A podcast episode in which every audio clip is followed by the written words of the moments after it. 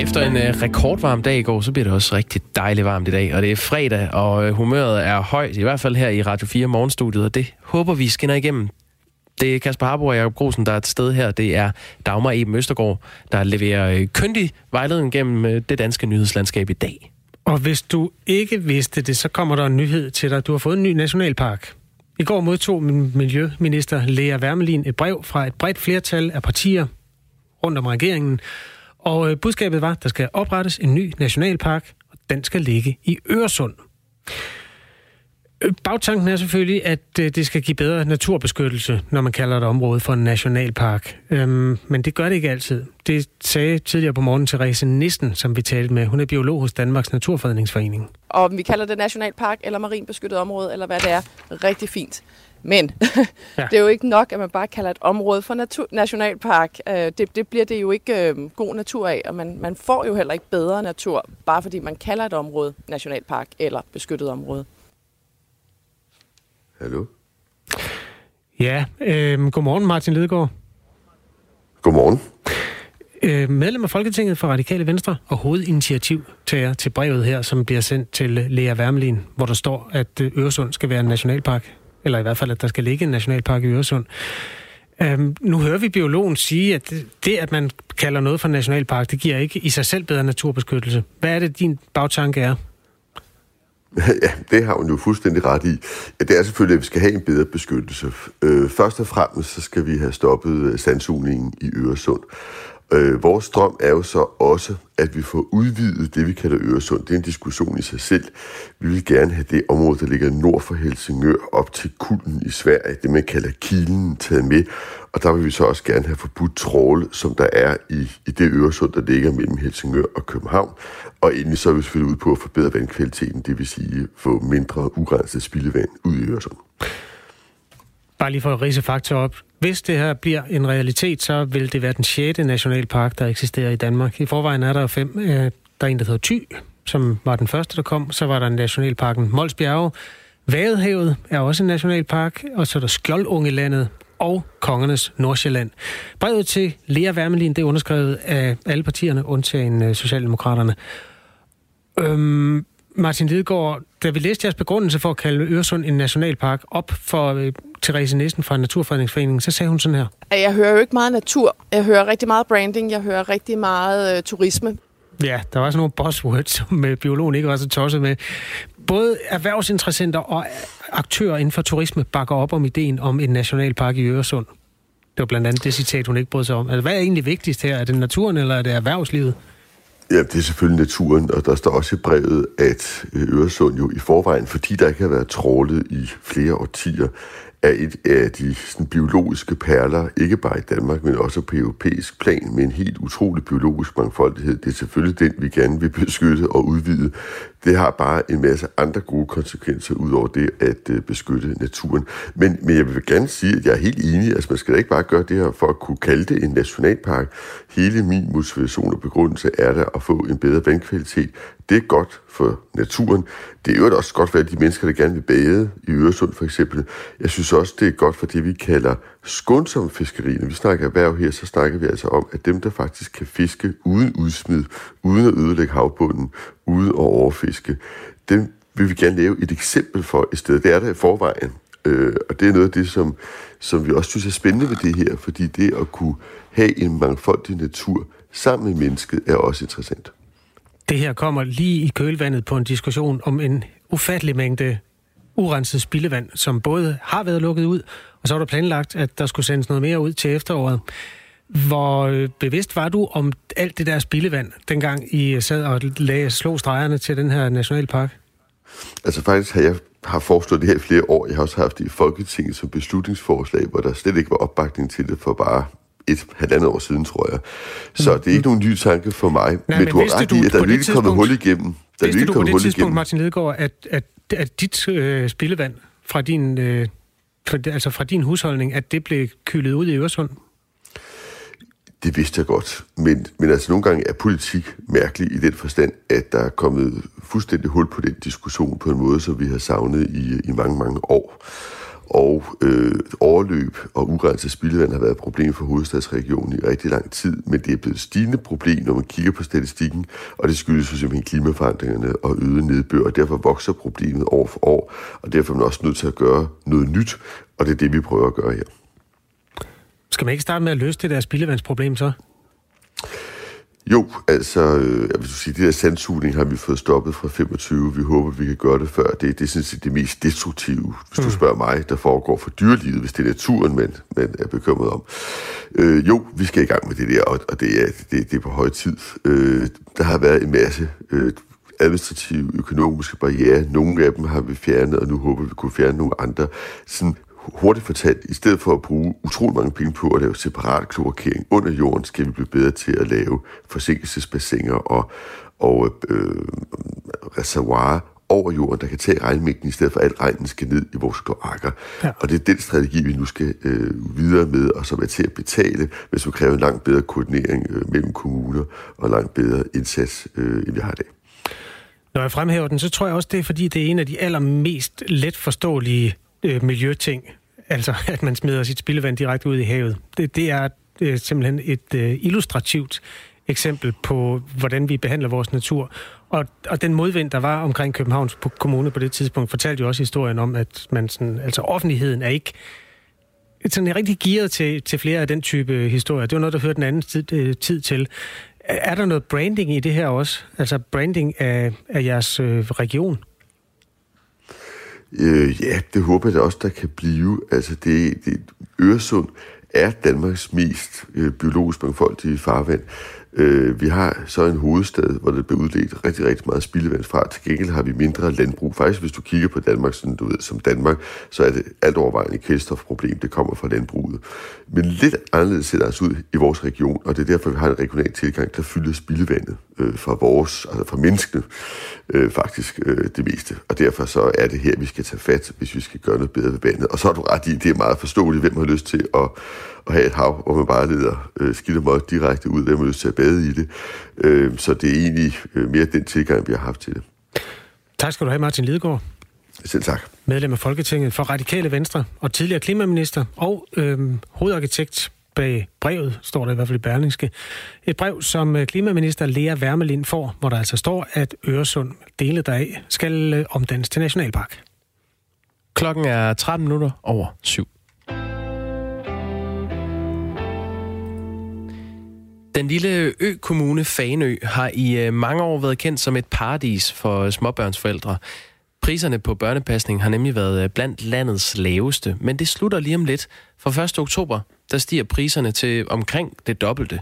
En vuggestueplads kommer til at koste knap 3700 kroner, og dagpleje til knap 3400 kroner, og dermed ligger priserne sådan nogenlunde på niveau med København, hvor børnene dog får middagsmad og, og blæer. Pernille Brunbjerg, mor til to, en i vuggestue og en i børnehave, og bosat på Fagenø. Godmorgen. Godmorgen. Godmorgen. I flyttede til Fanø for syv øh, år siden. Hvorfor gjorde I det? Ja. Jamen, øh, det gjorde vi, fordi vi havde drømmen om det her trygge børneliv med naturen lige i baghaven og, øh, og små institutioner, og vi skulle have tid til vores børn og så videre. Og det har vi i og for sig også. Men øh, det er klart, at når kommunen sådan øh, hæver prisen to gange ind på et år, så skal man altså ud og tjene nogle flere penge. Øh, og i den her øh, sammenligning, så er det faktisk 2.000 kroner, man jo skal tjene efter skat mere om året i forhold til, hvad vi skulle sidste år.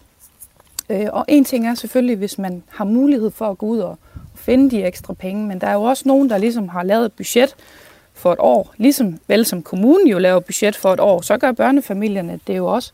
Og man køber hus og lejer lejligheder og hvad man ellers gør derefter, ikke? Så, så det er vi rigtig ked af, og sådan lidt synes, at det, det er kommet på sådan lidt en ufin måde, hvor vi ikke helt er blevet hørt i den her sag. Hvad mener du med det, at det er ufint? Jamen altså, øhm, kommunen er jo i gang med en række spareinitiativer øh, rundt omkring i, i kommunen, og, og vi synes også, at det er okay, at alle skal være med til at betale. Der er blandt andet en udligningsreform og så videre, og jeg kan forstå, at kommunen skal finde i omegnen af 7,5 millioner eller sådan noget. Øhm, men på det her punkt, der er vi de eneste, den eneste gruppe, som skal have penge op af lommen som faktisk skal ind i vores budget og finde penge. Og det synes jeg er, er rigtig, rigtig ufint over for os. Øh, det er jo i forvejen en målgruppe. Altså, de rammer jo dem, der har dagpleje og vuggestue hårdest. Det er dem, der har den største prisstigning. Og det er jo bare i forvejen en gruppe, som er presset på søvn og tid og alt muligt. Ikke? Så det, det er sådan den gruppe af mennesker, der har, har, har dårligst tid til at organisere sig. Men det har vi så gjort alligevel. På fire dage har vi lavet en underskriftsindsamling og en demonstration og læserbrev og kontakt til diverse medier, fordi vi, vi er nem, nem, nødt til at råbe gag, øh, vagt i gevær nu, at det ikke er i orden. Pernille Brumbjerg, jeg tror, du øh, fik sagt, at øh, I skal ud og tjene 2.000 kroner mere om året. Mener du om måneden? Nej, om måneden. Ja, om godt. måneden godt. efter skat, ja. Bare lige for at få det helt på plads. Tak for den. og, øh, det blæser en lille smule i baggrunden. Jeg kommer lige med lidt fakta Nå. om det her. Så, øh, så Sådan kan det være, er det jo på lidt... Vestkysten. Ja, ved du hvad, det er der forståelse for. Men øh, hvis du kan finde noget lag, så, øh, så vil det være bedst ja. Det er godt. det prøver jeg. Øh, det, det handler om det her, det er, at Fanø Kommune fjerner øh, rabatten på øh, egenbetaling til dagpleje og, øh, og vuggestue. Og dagplejen kommer nu til at koste øh, 3365 kroner per måned, og øh, 3600 Øhm, nu skal det 680 kroner per måned for en vuggestueplads. Derudover skal børnene selv have madpakke og blære med, og kommunen sparer altså på den måde 150.000 kroner på at sætte øh, egenbetalingen op her i, i 2020. Ja. Mm. Øh, yes. I Københavns Kommune for eksempel, der koster dagpleje øh, næsten 3300 kroner om måneden. Det er med frokost.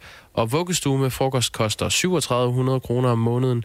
I København der betaler man øh, så for dagpleje og vuggestue alle årets måneder, mens man på Fanø ikke betaler for, for juli måned. Og øh, det er cirka det samme i Aarhus. Altså der koster dagpleje øh, cirka 3000 kroner om måneden, Vuggestue koster ca. 3700 kroner per måned uden kost, og øh, det vil sige, at en Fanø-forælder betaler nogenlunde det samme som en, en oceaner. Øhm, Lige præcis. Hvorfor er det ikke fair nok, øh, Pernille Brunbjerg, at, at I skal betale det samme for en vuggestueplads som dem i København eller dem i Aarhus? Altså, man kan måske sige, det er, det er, det er fair nok, hvis pris og kvalitet hænger sammen. Men det, man også skal tænke på, det er jo, at vi er jo sådan lidt en pendlerø. Så det vil sige, at mange af os arbejder i, øh, i Esbjerg. Øhm, så når vi sammenligner priser, så sammenligner vi os i mange sammenhænge med Esbjerg Kommune. Og det er sådan lige nu, at man jo faktisk kan spare penge ved at, at flytte sit øh, barn til en dagpleje eller vuggestue i Esbjerg. Øh, og sådan rent logistisk, så er der rigtig mange af os, der alligevel tager færgen hver morgen frem og tilbage, eller frem om morgenen og tilbage om eftermiddagen. Øhm, så det vil man faktisk kunne spare omkring 600-700 kroner i måneden på at gøre. Øhm, og så havde man jo den tid på færgen, kan man sige. Men det synes jeg personligt vil være rigtig, rigtig ærgerligt. Fordi så udvander vi lidt den her fanekultur, som børnene får med i at gå i institution herover. Men øh, I, I har jo fortsat en måned om året, hvor I så ikke betaler for vuggestuer, og det skal man for eksempel i København, der betaler man for, for alle årets øh, måneder. Er det ikke ja. Øh, ja. det der ret privilegeret at slippe for det?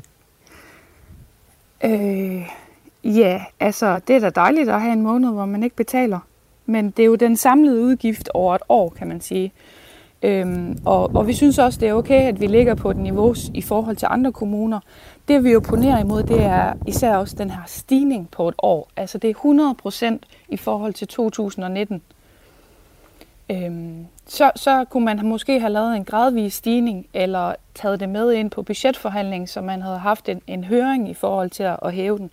Men den er trumfet igennem på et byrådsmøde den 15. juni, hvor jeg bemærker, at, jeg, at øh, alle byrådsmedlemmer synes, det er en meget, meget dårlig idé at hæve prisen igen, fordi den her strategi, de har haft, jo rent faktisk har virket rigtig godt.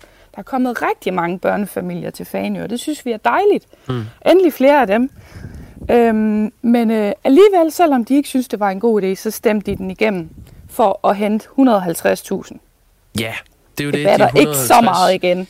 Mm, nej, ja, det, det, det ved jeg ikke. Jeg har ikke indsigt i kommunens økonomi på den måde, men, men øh, man nej. kunne spørge, øh, om, om I ikke, øh, jer der bor på Fanø, skal være med til at betale for, at, at kommunens økonomi kan hænge sammen. Selvfølgelig skal vi det, og det gør vi også gerne, fordi vi elsker Fanø og synes, det er et fantastisk sted. Men vi synes, det er uretfærdigt, at det er os med små børn, der er de eneste, der skal betale. Så kunne vi måske godt tænke os, at man ramte hele befolkningen på en måde. Men det er så op til, til kommunen og byrådsmedlemmerne at beslutte, hvordan man gør det. Men øh, lige at ramme en en befolkningsgruppe som de eneste, der skal have penge op ad lommen. Det synes vi ikke er, er ret fair. Men det er jo jeres børn. Det, er jo, det koster jo rigtig mange penge at passe små børn, fordi der skal flere til. Jo, jo, men øh, kommunen er jo også, det her siger de jo selv, de er jo glade for, at vi bor her. Vi lægger jo også en kommuneskat via vores indtægt øh, og så videre, så, så det er jo ikke kun udgifter, at vi bor her. Og ejendomsskat og hvad vi ellers ligger, ikke? Så, Pernille Brunbjerg, øh, mor ja. til to og, og bosat på øh, Fanø. Øh, jeg synes, du skal have tilbudt om at, at hænge på, fordi nu har vi faktisk øh, Niels Heinel med. Han er ja. formand for, for børne- og kulturudvalget i Fanø Kommune. Ja. Ja, der skal vi sige godmorgen til os, Niels Heinel. Godmorgen. Ja, godmorgen. Øhm, kan du høre mig? Ja, det kan du tro. Og du har fundet et sted, hvor det ikke blæser på Vestkysten. Det er jo en bedrift i sig selv. Øh, velkommen til. Formand for Børne- og Kulturudvalget i Fanø Kommune for den øh, lokale liste, der hedder Miljølisten. Hvorfor stiger taksterne for vuggestuer og dagpleje på Fanø med 100 procent? Ja, det gør den jo over året, kan man sige, men det, der har været nødvendigt nu at gøre, og som Pernille Brunbjerg jo rigtigt siger, at byrådet i sidste uge besluttede sig for at forhøje, eller at den rabat, som på egenbetaling skal bortfalde, og bortfalde per 1. oktober med det varsel på godt tre måneder her, indebærer selvfølgelig, at øh, Fanø Kommune får de 1.500.000, som der snakkes om her for 2020, men det er jo også den fortsatte, øh, altså i 2021 vil det, jo, vil det jo blive et helt andet beløb, fordi det beløb, der er afsat, er godt 700.000 i rabatten om året. Det bliver lidt Men når det er nødvendigt... Jeg er simpelthen nødt til at høre, hvad er forudsætningen for, at den måde, som man har kunnet tilbyde det på til forældrene indtil nu, at den lige pludselig bliver lavet så meget om? Hvad er, hvad er grunden til, at Jamen, det bliver, sker nu? Jamen det er, fordi at Fanø Kommunes økonomi er i ubalance. Det vil sige, vi har måttet genåbne budgettet 2020, og så kigget øh, fuldstændig dybt i alle hjørner, hvor var der muligheder for at øh, øh, forbedre Fanø Kommunes økonomiske situation. Og selvfølgelig, når jeg siger det på den her måde, alle øh, små hjørner øh, er blevet endevendt, og her har der så været en mulighed for, og fordi efter lovgivning, vi kan sætte prisen øh, op, det vil sige til de 25 procent, som nu du selv har sagt, mm. passer nogenlunde med de samme takster andre steder i Danmark. Men det er en nødvendighed, og det er en økonomisk nødvendighed for Fanø Kommune i den her svære situation, fordi der ikke længere er den balance her. Og når, og når vi har måttet åbne budgettet for 2020 her godt fire måneder ind i 2020, så er det, fordi situationen er meget alvorlig økonomisk. Ikke desto mindre. Altså jeg tror, alle forstår selvfølgelig, at dit arbejder for det her kommunale budget til at hænge sammen. Men samtidig så taler vi lige nu også med Pernille Brunbjerg, som flyttede til Fanø, for, altså, fordi at der var de betingelser, Hvordan har du det med at øh, ændre betingelserne så radikalt, så man pludselig skal ud og tjene 2.000 ekstra efter skat om måneden, for at kunne leve det liv, man levede sidste år? Jamen det synes jeg, som jeg også øh, tidligere har udtalt mig om, jeg synes det er enormt ærgerligt, og jeg er selvfølgelig også ked af det, men, men jeg er også nødt til at sige og gentage, at det er selvfølgelig øh, nødvendigt i forhold til, at Fanø Kommune øh, skal have en økonomi, der er i balance, fordi det er nødvendigt. Vi kan ikke bruge flere penge, end vi har. Øh, det er der ingen, der kan, øh, og det kan en kommune heller ikke. Så det mere forbrug, vi har haft. Det er vi nødt til at rette op på, og jeg vil da håbe, at vi får rettet så meget op på økonomien, at vi også muligvis her kan gøre noget andet om et år, eller hvornår det nu kan være, og måske give en rabat igen. Det ved man ikke endnu, og det ved vi heller ikke, før vi går i gang med budgetforhandlingerne her efter sommerferien om budget 2021. Pernille Brunbjerg, øhm, du Må jeg stadig... komme med en tilføjelse? Ja, du må det så. Ja, øhm, det er fordi, der er egentlig mange forældre, der har sagt, at nu synes vi, at kommunen skal fremlægge nogle af de her driftsudgifter, som de påstår, de har. Fordi så kunne det godt være, at vi havde nogle måder, hvorpå man måske kunne spare lidt på dem. Øhm, men det har vi ikke haft mulighed for, fordi det ikke har været i høring. Øhm, så det kommer vi til at sådan, øh, fremadrettet arbejde lidt for, at vi kommer lidt mere på banen. Øh, fordi vi synes ikke, det kan være rimeligt, at vi har så høje driftsudgifter i forhold til for eksempel Esbjerg Kommune. Øhm, så, så dem vil vi egentlig gerne kigge lidt efter, de tal der. Det har vi heldigvis nogle, nogle talstærke forældre i vores gruppe, der er villige til at bruge deres fritid på. Niels Ejl, en kommentar på det? Og så kommer ja. vi til efter sommerferien at indkalde kommunen til en høring, fordi det er jo egentlig det, de har sagt i medierne, at de gerne vil være med til. Så I får en invitation her efter sommerferien til en fredelig, øh, ligesom demonstrationen, men en høring, hvor vi ligesom lige kan, kan snakke lidt sammen. Det skal Niels Ejl lige have lov til at svare på, øh, medier. Pernille Brumbjerg. Mm? Jamen, det vil jeg sætte stor pris på, øh, og vi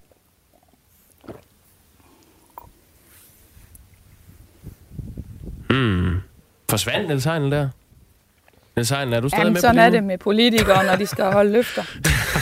det var som om, der blev, der blev taget en ordentlig uh, tår kaffe. Der var du, Niels Heinl. Du faldt lige ud. Uh, det vil I sætte stor pris på, og så hørte vi ikke mere. Ja, ja altså det, betyder, det betyder jo, at uh, som Pernille Brunbjerg siger her, at vi mødes efter sommerferien, og det sætter vi selvfølgelig uh, i scene øh, og glæder os til at få den snak og den dialog, og det er vigtigt, at det, er, at det bliver den dialog, så vi også kan høre øh, forældrenes øh, synspunkter på det her område. Lige, øh, lige Men kort... når beslutningen at... Ja, ja nu, øh, nu, jeg skal lige høre Men... Øh, Pernille Brunbjerg, Niels Heinel. Mm. Øhm, de her 2.000 kroner, I skal ud og skaffe hver måned, hvad ja. betyder det for jeres husholdning? Jamen altså 2.000 om, om, om måneden øh, gange, med, øh, gange med 11, ikke? det er jo rigtig mange penge. Det kunne jo for eksempel være et par ferier, eller et, et par uger i sommerhus, eller at man, øh, at man er nødt til at skære ned og, og ikke kan købe så, så økologisk mad og sådan noget, som vi gerne vil. Så det er jo sådan livsstilen, der sådan skal kigges efter. Ja, og Niels Heinl, hvad betyder 150.000 øh, kroner ekstra i kommunekassen øh, om året for jer? Jamen, altså det er jo kun for 2020, og som jeg nævnte før, så er det jo fordi, vi har åbnet budget 2020 igen, for at se, hvor var der mulighed for at bringe mere balance Men i kommunen, hvad betyder de 150.000, Niels? Ja, ja, det er en lille del, øh, men det skal jo ses i et større perspektiv, som også blev vedtaget mm. i, øh, på byrådsmødet her sidste mandag. Så, så man skal ikke se ja. snævert på et, et lille beløb her. Det handler om kommunens samlede økonomi, øh, fremadrettet, og dermed rette op på de ubalancer, der er. Men jeg vil godt lige kommentere lidt på det, Pernille siger omkring, øh, hvad skal man sige, kvaliteten i de tilbud, vi har. Og der, der vil jeg sige som øh, udvalgsformand, at vi er jo rigtig glade for den differentierede vifte af tilbud, vi har til forældre og deres børnepasning her på Fanø. Og vi mener jo også, at vi kan stå på mål for at stå inden for, at kvaliteten øh, og de kompetencer, der er nødvendige for at drive daginstitutioner på Fanø, er fuldstændig i orden. Og vi er i øvrigt meget tilfredse med den måde, vi driver dem på. Øh, så, så det hænger altså også stadigvæk sammen med, at serviceniveauet bliver jo ikke forringet her, men fastholdt. Øh, det er bare lige for at nævne det også. Og vi har jo mm. tilbud, som forældre i stor udstrækning er meget tilfreds med. Det var en god øh, lokal og meget principiel diskussion også, som vi øh, fik øh, rundet her sammen med de to mennesker fra Fanø. Pernille Brunbjerg, tak skal du have, fordi du var med. Selv tak. Mor til to, og det lyder som om, at øh, der er kaffe på kanden. I kan jo snakke videre øh, på, på øen i hvert fald om det her. Også tak til dig, Niels Heinel fra Miljølisten. Selv tak formand for Børne- og Kulturudvalget i Fanø Kommune. Klokken er 7.28. Du hører Radio 4 morgen. Jeg, øh, jeg synes skulle lige, vi skal høre et lille stykke med ham her. Uh, it's an incredible moment. It's an incredible moment, yeah. And uh, my coaching staff, I couldn't be more proud of what they did. Ja, det er Jürgen Klopp. Han er manager i Liverpool FC. Mm, fantastisk mand. Han øh, lykkedes jo med at gøre Liverpool til engelske mester i fodbold i går. Skulle jeg sige tillykke? Det synes jeg, du skal faktisk. Jeg du er jo livslang uh, supporter. Det, der var det smukke, det var, at han kom direkte igennem på den store uh, britiske tv-station Sky Sports og fik uh, Kenny Dalglish, som er en anden KFA for Liverpool, mm-hmm. fik ham i røret. Og det var bare sådan coronatidens øh, svøbe på en eller anden måde, der bare gik igen her. Fordi Kenny Dalglish skal sige tillykke til Jürgen Klopp over sådan en form for Skype-forbindelse, og det er bare så fæsen, prøv Don't be so modest. You've been absolutely fantastic for everybody. Åh, oh, vi kender det ekko der. Ja. Snakker han skotsk, der er ingen, der forstår, hvad han siger.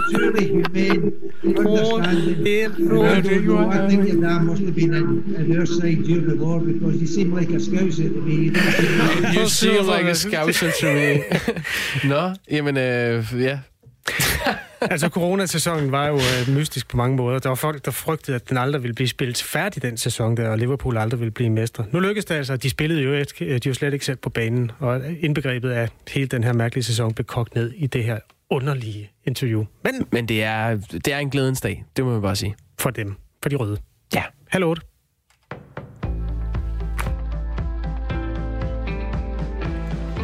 Dansk Flygtningehjælp skal ikke længere rådgive afviste asylansøgere om hjemrejse. Regeringen har nemlig opsagt kontrakten med organisationen, og i stedet så skal opgaven håndteres af den nyoprettede hjemrejsestyrelse. Styrelsen den vil aktivt opsøge og følge udlændingene fra første gang de får afslag på asyl, til de sidder på et fly på vej tilbage til deres hjemland. Men hos Dansk Flygtningehjælp der er man bekymret over udlændinge og integrationsministerens beslutning. En succesfuld rådgivning af afviste asylansøgere hviler på en høj grad af tillid, men mange afviste asylansøgere kommer fra lande, hvor de har oplevet, at myndighederne ikke er på deres side, siger Charlotte Slente, der er generalsekretær i Dansk Flygtningehjælp. Men ifølge integrations- og udlændingeminister Mathias Tesfaye, så skal der sørges for, at de afviste asylansøgere de rejser hjem. Jeg mener, at der er plads til at gå lidt mere kontant til værks, og det kræver nok, at det er en tilknappet skjorte fra en hjemrejsestyrelse, mere end at det er en NGO, som jo er en flygtningehjælp. Det vi skal huske på, det er, at det her er jo ikke flygtninge. Ifølge ministeren så er der over 1000 afviste asylansøgere i landet, som ifølge ministeren selv koster 300.000 kroner per person. Lyt med, når Mathias Tesfaye han er med i Radio 4 morgen. Det er om cirka 20 minutter. Et flertal i Folketinget har besluttet at give 10 timers skatteyderbetalt psykologhjælp til voldsramte kvinder på krisecenter. Men der var ingen gratis psykologtimer til de voldsramte mænd. Og det er ikke godt nok, siger Samira Navar, ligestillingsordfører for Radikale Venstre. Hun vil nu stille spørgsmål til ligestillingsministeren Mogens Jensen. Radikale Venstre de stemte ellers for forslaget, men det er udelukkende, fordi der taler om en forbedring, siger Samira Navar. Vi kom fra et udgangspunkt, hvor at hverken mænd eller kvinder havde mulighed for gratis psykologhjælp, og her er der tale om en forbedring. Også enhedslisten stemte for, fordi det var en forbedring, men partiets ligestillingsordfører Maj Villassen mener altså også, at ligestillingsministeren han bør gå ind i sagen. Hos Nye Borgerlige, der mener Pernille Værmund, at ligestillingsministeren bare er til pynt, når sådan noget lovgivning det bliver vedtaget det, at man har en ligestillingsminister, er jo fuldstændig overflødigt og ren stafage, hvis man har en regering, der kan finde på ikke bare at foreslå, men også at vedtage den her form for lovgivning. Nye Borgerlige de stemte imod forslaget om gratis psykologhjælp til kvinder. Du kan høre resten af interviewet med Pernille Vermund i Radio 4 morgen klokken lidt over 8, hvor der også er interviews med flere andre partier fra Blå Blok. Vi har også her på Radio 4 forsøgt at få et interview med ligestillingsminister Mogens Jensen, men han har ikke haft mulighed for at stille op. Rasmus Paludan, partileder for Stram Kurs, blev i går idømt tre måneders fængsel for overtrædelse af blandt andet racismeloven og loven om æreskrænkelse. Men Paludan har besluttet at anke dommen. Han mener, at domstolene tidligere er nået frem til, at lignende udtalelser som hans ikke er strafbare. Så er dommen jo forkert, og det er selvfølgelig derfor, at, øh, at, at jeg vil besluttet at anke, og det er også allerede sket. Dommen på tre måneders fængsel er fordelt, så en måned af straffen den skal afsones, mens resten af straffen er betinget. Det, jeg i virkeligheden har gjort, det er, at jeg har kritiseret islam. Det er der jo en del vælgere, over 63.000, der åbenbart er enige med mig i, for de stemte jo på stram kurs hvis det valg. Han er også blevet frakendt retten til at fungere som advokat i straffesager og sager om fri proces i tre år frem. Det bliver i dag overvejende solrigt vejr, men i eftermiddag, især i den vestlige del af landet, der bliver det i perioder mere skydevejr, også med mulighed for enkelte lokale byer. Temperaturerne de lander mellem 24 og 29 graders varme ved kyster, med pålandsvind lidt køligere.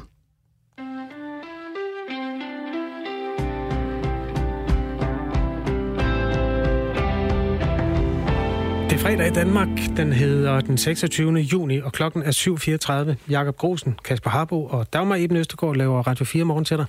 Ja, og lige om lidt uh, Victoria Velasquez, som er beskæftigelsesordfører hos uh, Enhedslisten. Vi kan lige sige godmorgen, uh, Victoria Velasquez. Godmorgen. Godmorgen. Godmorgen. Erhvervsskolen uh, ZBC har pålagt alle sine studerende og undervisere øh, at blive hjemme, hvis de har deltaget i den store Black mm. Lives Matter demonstration i København, hvor omkring øh, 15.000 mennesker gik i de københavnske gader. Og det mener du er forkert, øh, at, at skolens direktør har bedt øh, elever og lærere om at blive hjemme. Og derfor har du så bedt øh, beskæftigelsesminister Peter Hummelgaard om at kommentere på det. Øh, Victoria Velasquez, hvorfor mener du ikke, at de skal blive hjemme? Men altså først og fremmest, så vil jeg jo sige, at jeg synes, at det er vigtigt, at vi, vi stadig passer på, husker at spritte hænder, vaske hænder og, og holde afstand. Øhm, jeg synes også, at man skal følge ministerens opfordring til, at man skal blive testet, hvis man har været til demonstrationer. Faktisk også generelt øhm, er det en rigtig god idé at blive testet, for at man er smittet. Men det, som vi jo står med her, det er, at ministeren er kommet med en opfordring til, at man skal blive testet. Det er fornuftigt. Og så har vi en direktør, der skærper det forhold og går ind og pålægger øh, nogle restriktioner over for eleverne og, øh, og øh, dem, der arbejder på, øh, på arbejdspladsen.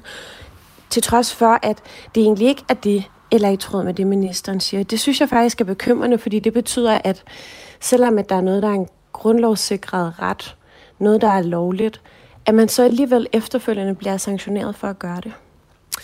Eleverne og lærerne øh, har modtaget et brev med mm. retningslinjer. Lad os lige prøve at, at gennemgå brevet. Det starter sådan her. Øhm, kære alle, i dag er det blevet konstateret, øh, at mindst en af deltagerne i demonstrationen Black Lives Matter, øh, som fandt sted i København i søndags, er smittet med covid-19.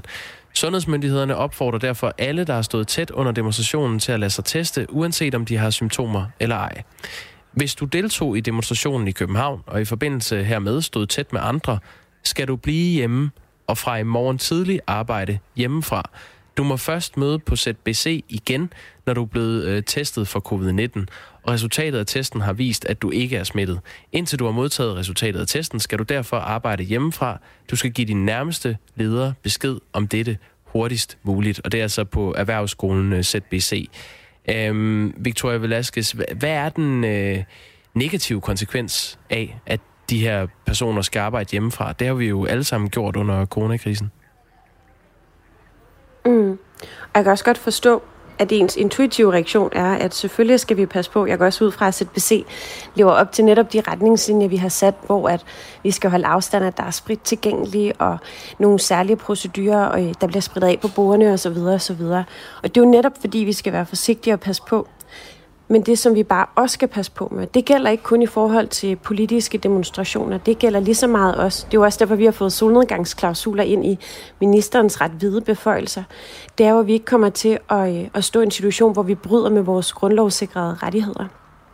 Og her, der ser vi bare, at det kommer til at få nogle mere ret, altså sådan, øh, konsekvenser for dem, som der har deltaget. For eksempel som elev, at din, øh, arbejdsgiver på din praktikplads for at vide, at, øh, at du er politisk aktiv. Det er jo netop sådan nogle ting, som man normalt ikke må give videre, øh, eller, øh, eller på sin arbejdsplads, og at man pålægger folk, at de ikke må, øh, må møde på arbejde.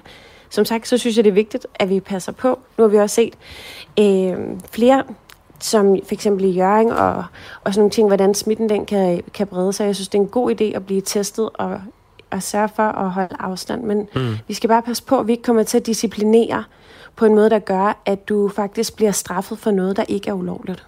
Men det er jo hele tiden, at man asfalterer, mens man øh, kører lige nu, og jeg ved da her på Radio 4 på vores mm. arbejdsplads, hvis vi rejser til udvalgte lande hen over sommeren, jamen så skal vi i en karantæneperiode derhjemme på 14 dage uden løn, inden vi må møde ind igen. Og det er jo sådan, mange har arbejdet, så jeg skal bare lige forstå, hvad, hvad, hvad problemet egentlig er ved, at man siger, I har været til den her demonstration, hvor der er 15.000 andre mennesker. Nu ved vi, at nogen er smittet.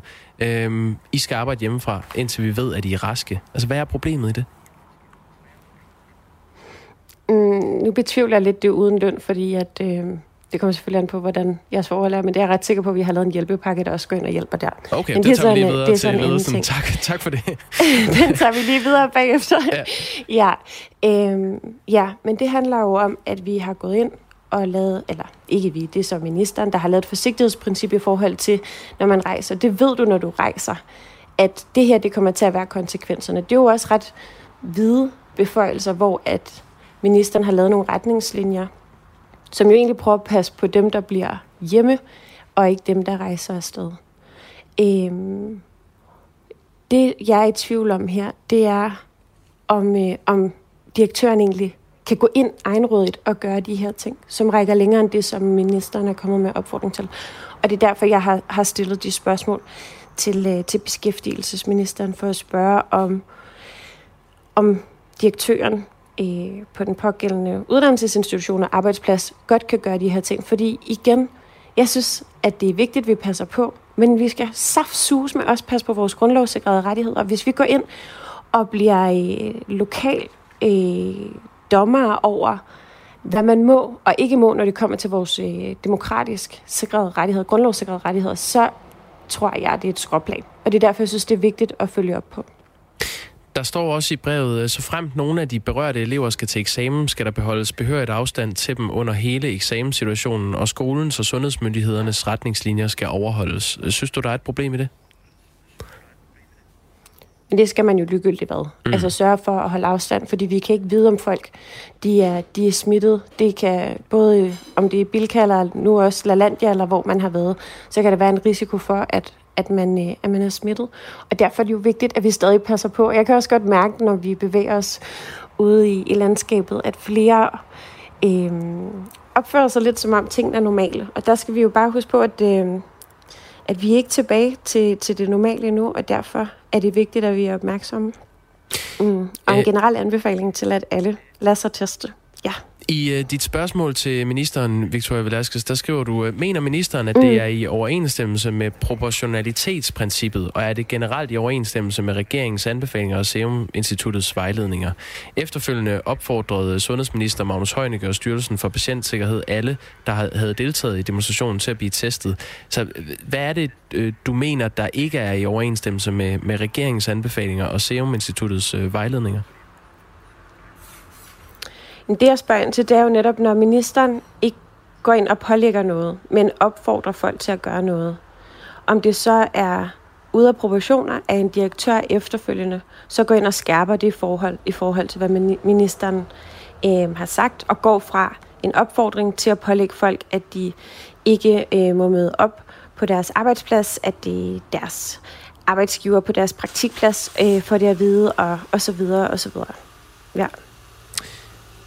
Victoria Velasquez, øh, tak fordi du var med på den her. Jeg, jeg har lyst til lige, jeg har lige fået en note om, at øh, det gælder altså for alle. Man skal blive hjemme i to uger øh, uden løn, hvis man rejser til øh, udvalgte lande. Det er altså ikke kun her på Radio 4, det gælder.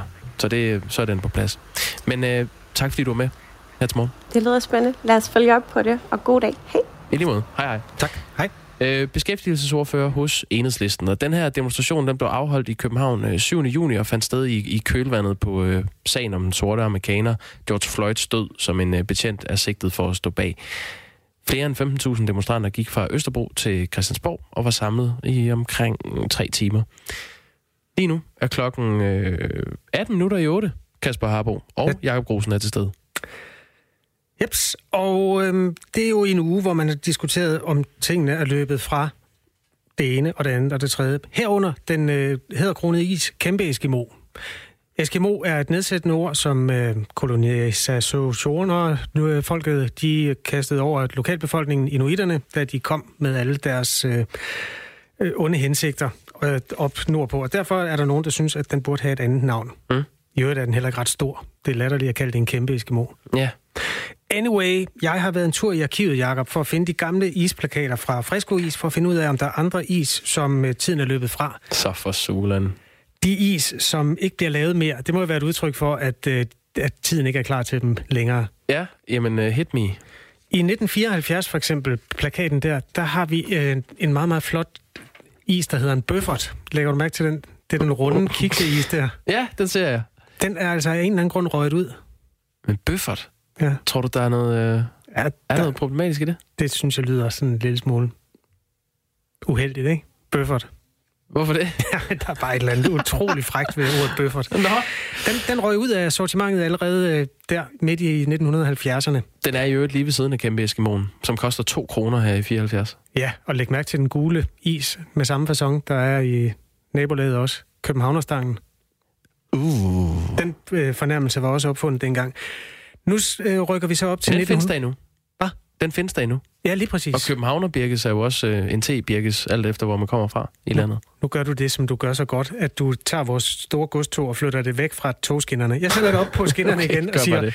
her kommer øh, isplakaten fra 1976. Du skal lægge mærke til, at bøfferten er forsvundet. Til gengæld så er der blandt andet kommet det, der hedder en bøgmand. det er rigtigt. Det er jo et spøgelse. Ja.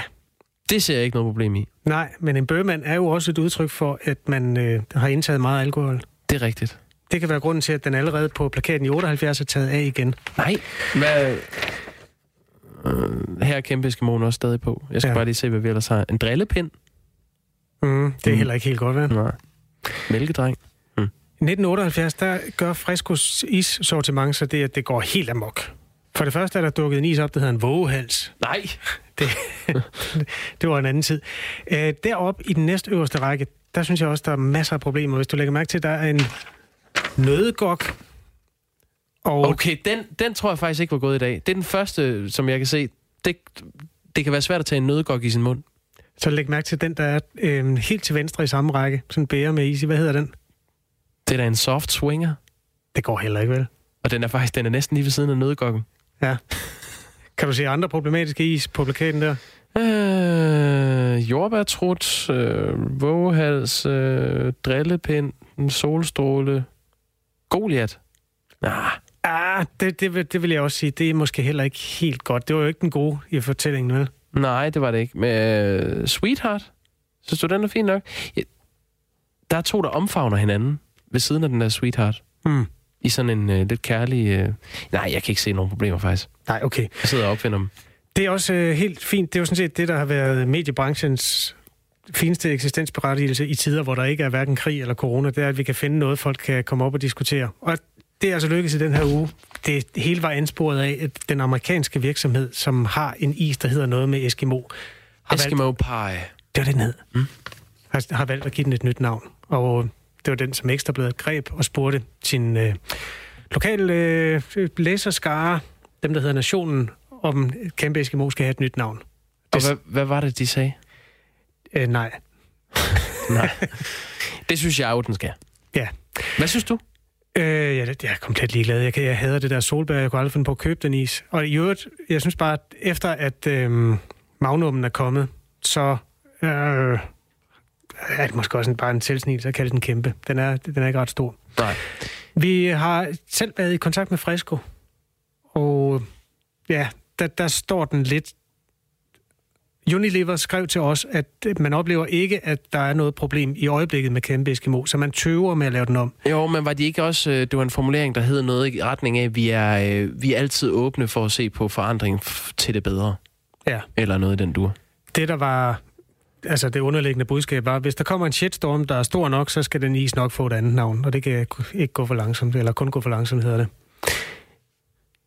Ja, således uh, isoplyst. Ja, og Silas har lyttet med og skriver ind, at øh, du skal huske bonbon, øh, vingummiposen, der hedder Store Babser, de er også væk. Helt, helt seriøst. Bonbons, hele bonbons sliksortiment var på ingen måde gået i dag. Var det hele ikke sådan noget med bremsespor og øh, pis mig i øret og hestepik? Nej, Nej var det ikke det? Der var nogen, der hed hestepærer. Nå, det var sådan, det var. Okay. Jeg kom for helvede. Store, oh, oh. store bolcher. Ja, store bolcher. Der var alt muligt, men øh, bonbon øh, var også en anden tid. Det vi skal om et øjeblik, det er, at vi skal prøve at sætte det hele på øh, sporet igen, fordi vi skal uh, tale med integrationsminister Mathias Tesfaye, når mm. vi hører fra ham, når han ringer ind lige om et øjeblik. Vi kan da starte med at slå fast, at klokken den er 7.48. Du hører Radio 4 morgen. Og ja. tak for det. Og ved du hvad, øh, nu har vi faktisk Mathias Tesfaye på linjen. Godmorgen, Mathias Tesfaye. Godmorgen. Integrationsminister her til lands. Og øh, det, vi skal tale om med dig, Mathias Tesfaye, er en rådgivende kontrakt på 15 millioner kroner med Dansk Flygtningehjælp, som øh, du har opsagt. Rådgivningen er afvist af asylansøgere, og deres hjemsendelse skal ikke længere foregå med assistance fra Dansk Flygtningehjælp. Det, du øh, har indført, eller det I har indført, er, at det i stedet skal ske i egne rækker i en nyoprettet hjemrejsestyrelse. Godmorgen, øh, og for det første, hvad er det helt konkret, at den her opgave for de afviste asylansøgere og deres hjemsendelse går ud på?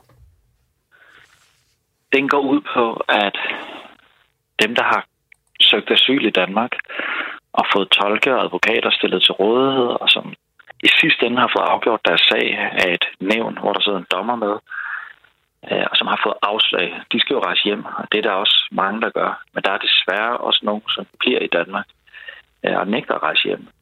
Og indtil nu har vi bedt flygtningehjælpen om at, at arbejde med dem. Og nu har vi opsagt kontrakten og oprettet en ny hjemrejsestyrelse, og så prøver vi med en lidt mere fast hånd at vise dem øh, ud i lufthavnen. Ja, øh, altså Dansk Flygtningehjælp er jo en international humanitær organisation, som øh, har mange års erfaring med det her stykke arbejde, og også har stået for den igennem, var det syv år, otte år. Øh, hvorfor har I opvalgt, valgt at opsige kontrakten og samarbejdet med Dansk Flygtningehjælp? Det er rigtigt. De har stået for arbejdet i Danmark siden 2012, og før det var det også myndighederne. Øh, og jeg har det jo sådan, dansk flygtningehjælp øh, hjælper jo flygtninge, men det her er netop ikke flygtninge. Det er folk, vi har, vi har vurderet, om de har behov for beskyttelse, og et uafhængigt nævn har sagt, de har ikke behov for beskyttelse. De er netop ikke flygtninge, og derfor skal de rejse hjem. De opholder sig ulovligt i Danmark, øh, og de skal hjem til Iran eller Irak, eller hvor det er, de er flygtet fra, øh, eller som de er udvandret fra. Og jeg synes, det er helt rimeligt, at at man accepterer de øh, afgørelser, der bliver truffet af myndighederne. Lige nu betaler vi 300.000 kroner om året per snude for at have folk indkvarteret. Mm. Det kunne man købe mange hjemmehjælpstimer for, ikke? og derfor vil vi gerne gå lidt mere kontant til det her. Jamen, lad os lige prøve at forstå, hvad det er, du synes, Dansk Flygtningehjælp gør anderledes end for eksempel en, en bodybuilder øh, vil, vil gøre. Altså, Dansk Flygtningehjælp har, som du siger øh, mellem linjerne, altså de har en interesse i at hjælpe mennesker i nød og på flugt, og om det så er et menneske, der ikke kan få det rigtige prædikat flygtning. Øh, ikke desto mindre, synes jeg, jeg hører dig sige, så vil Dansk Flygtningehjælp stå på vedkommendes side. Er det det, der har været problemet, siden du opsiger kontrakten med dem? Dansk Flygtningehjælp er jo en organisation, der er stiftet til at hjælpe flygtninge. De laver et fremragende stykke arbejde, men det her er bare ikke flygtning. Jeg synes, politikerne har placeret opgaven det helt forkerte sted. Det er jo ikke en kritik af flygtningehjælpen. De har jo bare lavet deres arbejde. Det er kritik af os politikere, der har bedt en NGO om at stå for noget, en myndighed bør stå for. Det her det er øh, svære sager, hvor der både er brug for en, en rimelig kontant tilgang, men selvfølgelig også, at man kan arbejde med mennesker. Og det synes jeg er en rigtig opgave for en myndighed med alle de ressourcer, en myndighed har. Og så vil jeg også godt sige, at, at hvis man i dag tager over i det kontor, hvor man får afslag på asyl, det kontor, der ligger inde i Indre By i København, og du får afslag, du går ud af døren, så sker der faktisk ikke noget. Der kan gå mange dage, før der er nogen, der henvender sig og siger, hvad der skal ske.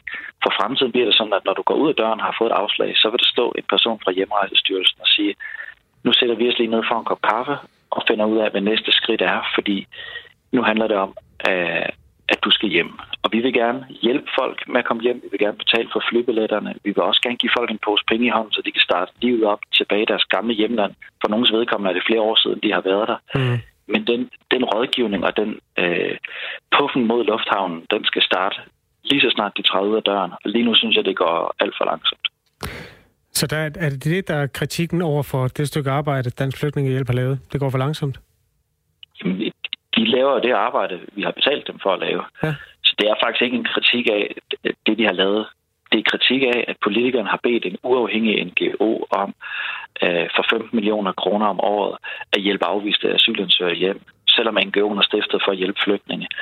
Jeg synes ikke, det skal være sådan, at, man, at, at de her afviste asylansøgere, de selv skal hen og banke på døren hos et flygtningehjælpskontor. Der skal myndighederne komme hen til de afviste asylansøgere selv og sige, nu hjælper vi jer med at tage næste skridt. Skal vi indhente rejsedokumenter? Skal vi have bestilt flybilletterne? Skal vi øh, Hvem skal rejse først? Hvorhen i jeres gamle hjemland skal I bo? Skal der kontakt til den danske ambassade? Det er en masse arbejde, som jeg mener hører til hos en myndighed. Jamen, Mathias Tesfaye, det er jo, det er jo spørgsmålet. I kunne jo også bare sige til Dansk Flygtningehjælp, det er sådan, I skal gøre det. Ja, men noget af det, vi gerne vil øh, skrue op for, det er lidt tættere mandsopdækning af de afviste asylansøgere. Og øh, jeg har nogle politiske intentioner. Nogle af dem har jeg fremlagt her i dag. Nogle af dem kommer til at fremlægge til efteråret, og det kræver, at det er en, en myndighed, som øh, jeg som minister har direkte beføjelser over, og ikke øh, en uafhængig NGO. Men vil det ikke koste det samme, hvis nu Hjemrejsestyrelsen skal lave et stykke arbejde, som er mere omfattende end det, som Dansk Flygtningehjælp lavede før? Du siger mere opsøgende og sådan noget. Det kommer jo også til at koste flere penge, så? Øh, I første omgang så er det præcis de penge, vi sparer øh, fra flygtningehjælpen, som bliver brugt til at ansætte 20 nye mennesker i hjemrejsestyrelsen. Så der er ikke noget at spare på det her, og der er heller ikke nogen udgifter. Men det er klart, at hvis der kommer nye initiativer, og det planlægger jeg til efteråret, så vil der også følge penge med. Og det, hvad er det helt konkret, der vil være anderledes? Jamen det nye er øh, for eksempel, at når man får afslag på asyl, går ud af flygtningenevnets kontor, så vil der stå en person fra hjemrejsestyrelsen og sige, næste skridt øh, er lufthavnen. Du skal hjem, fordi der er truffet en endelig afgørelse om, øh, at du ikke har noget behov for beskyttelse. Så det er en mere målrettet indsats for at sende dem ud af landet, som ikke skal være her, end Dansk Flygtningehjælp har kunnet levere under de betingelser, der har været hidtil? Ja, man kan sige, at vi vender lidt logikken på hovedet, at i dag skal man som afvist asylansøger øh, opsøge flygtningehjælpen, og så kan de hjælpe dig med øh, øh, rådgivning om, hvordan du rejser hjem. For fremtiden vil der komme nogen fra myndighederne og øh, selv opsøge de afviste asylansøgere, øh, og oftere opsøge dem og, og øh, hele tiden diskutere, hvad er næste skridt. Fordi det er ikke bare et spørgsmål om øh, at tage til Kastrup og hoppe på et fly. Der skal jo udstedes øh, øh, rejsedokumenter, der skal laves andre, eller kontakt med det land, man skal lande i, og hvis der er land, man skal mellemlande i, skal det også på plads. Der er en, der er en stort stykke byråkrati, der skal på plads, for at folk kan rejse øh, hjem på den måde.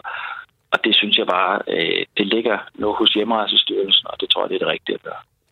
Tak fordi du var med her til morgen, Mathias Tesfaye. Så tak og godmorgen. Tak lige måde. Godmorgen. Integrationsminister i Danmark. Vi vil gerne have haft øh, Dansk Flygtningehjælp med til et interview om opsigelsen, men det var ikke muligt. Ja, klokken er 7.56 i øh, Radio 4 Morgen, som er tre timers aktualitetsprogram. Vi sender hver eneste dag på den her radiokanal mellem 6 og 9, og hvis ikke du når at høre det om morgenen, så kan du hente det resten af dit liv på enten vores hjemmeside, radio4.dk, eller som podcast inde i den app, du bruger til det. Michael har skrevet ind.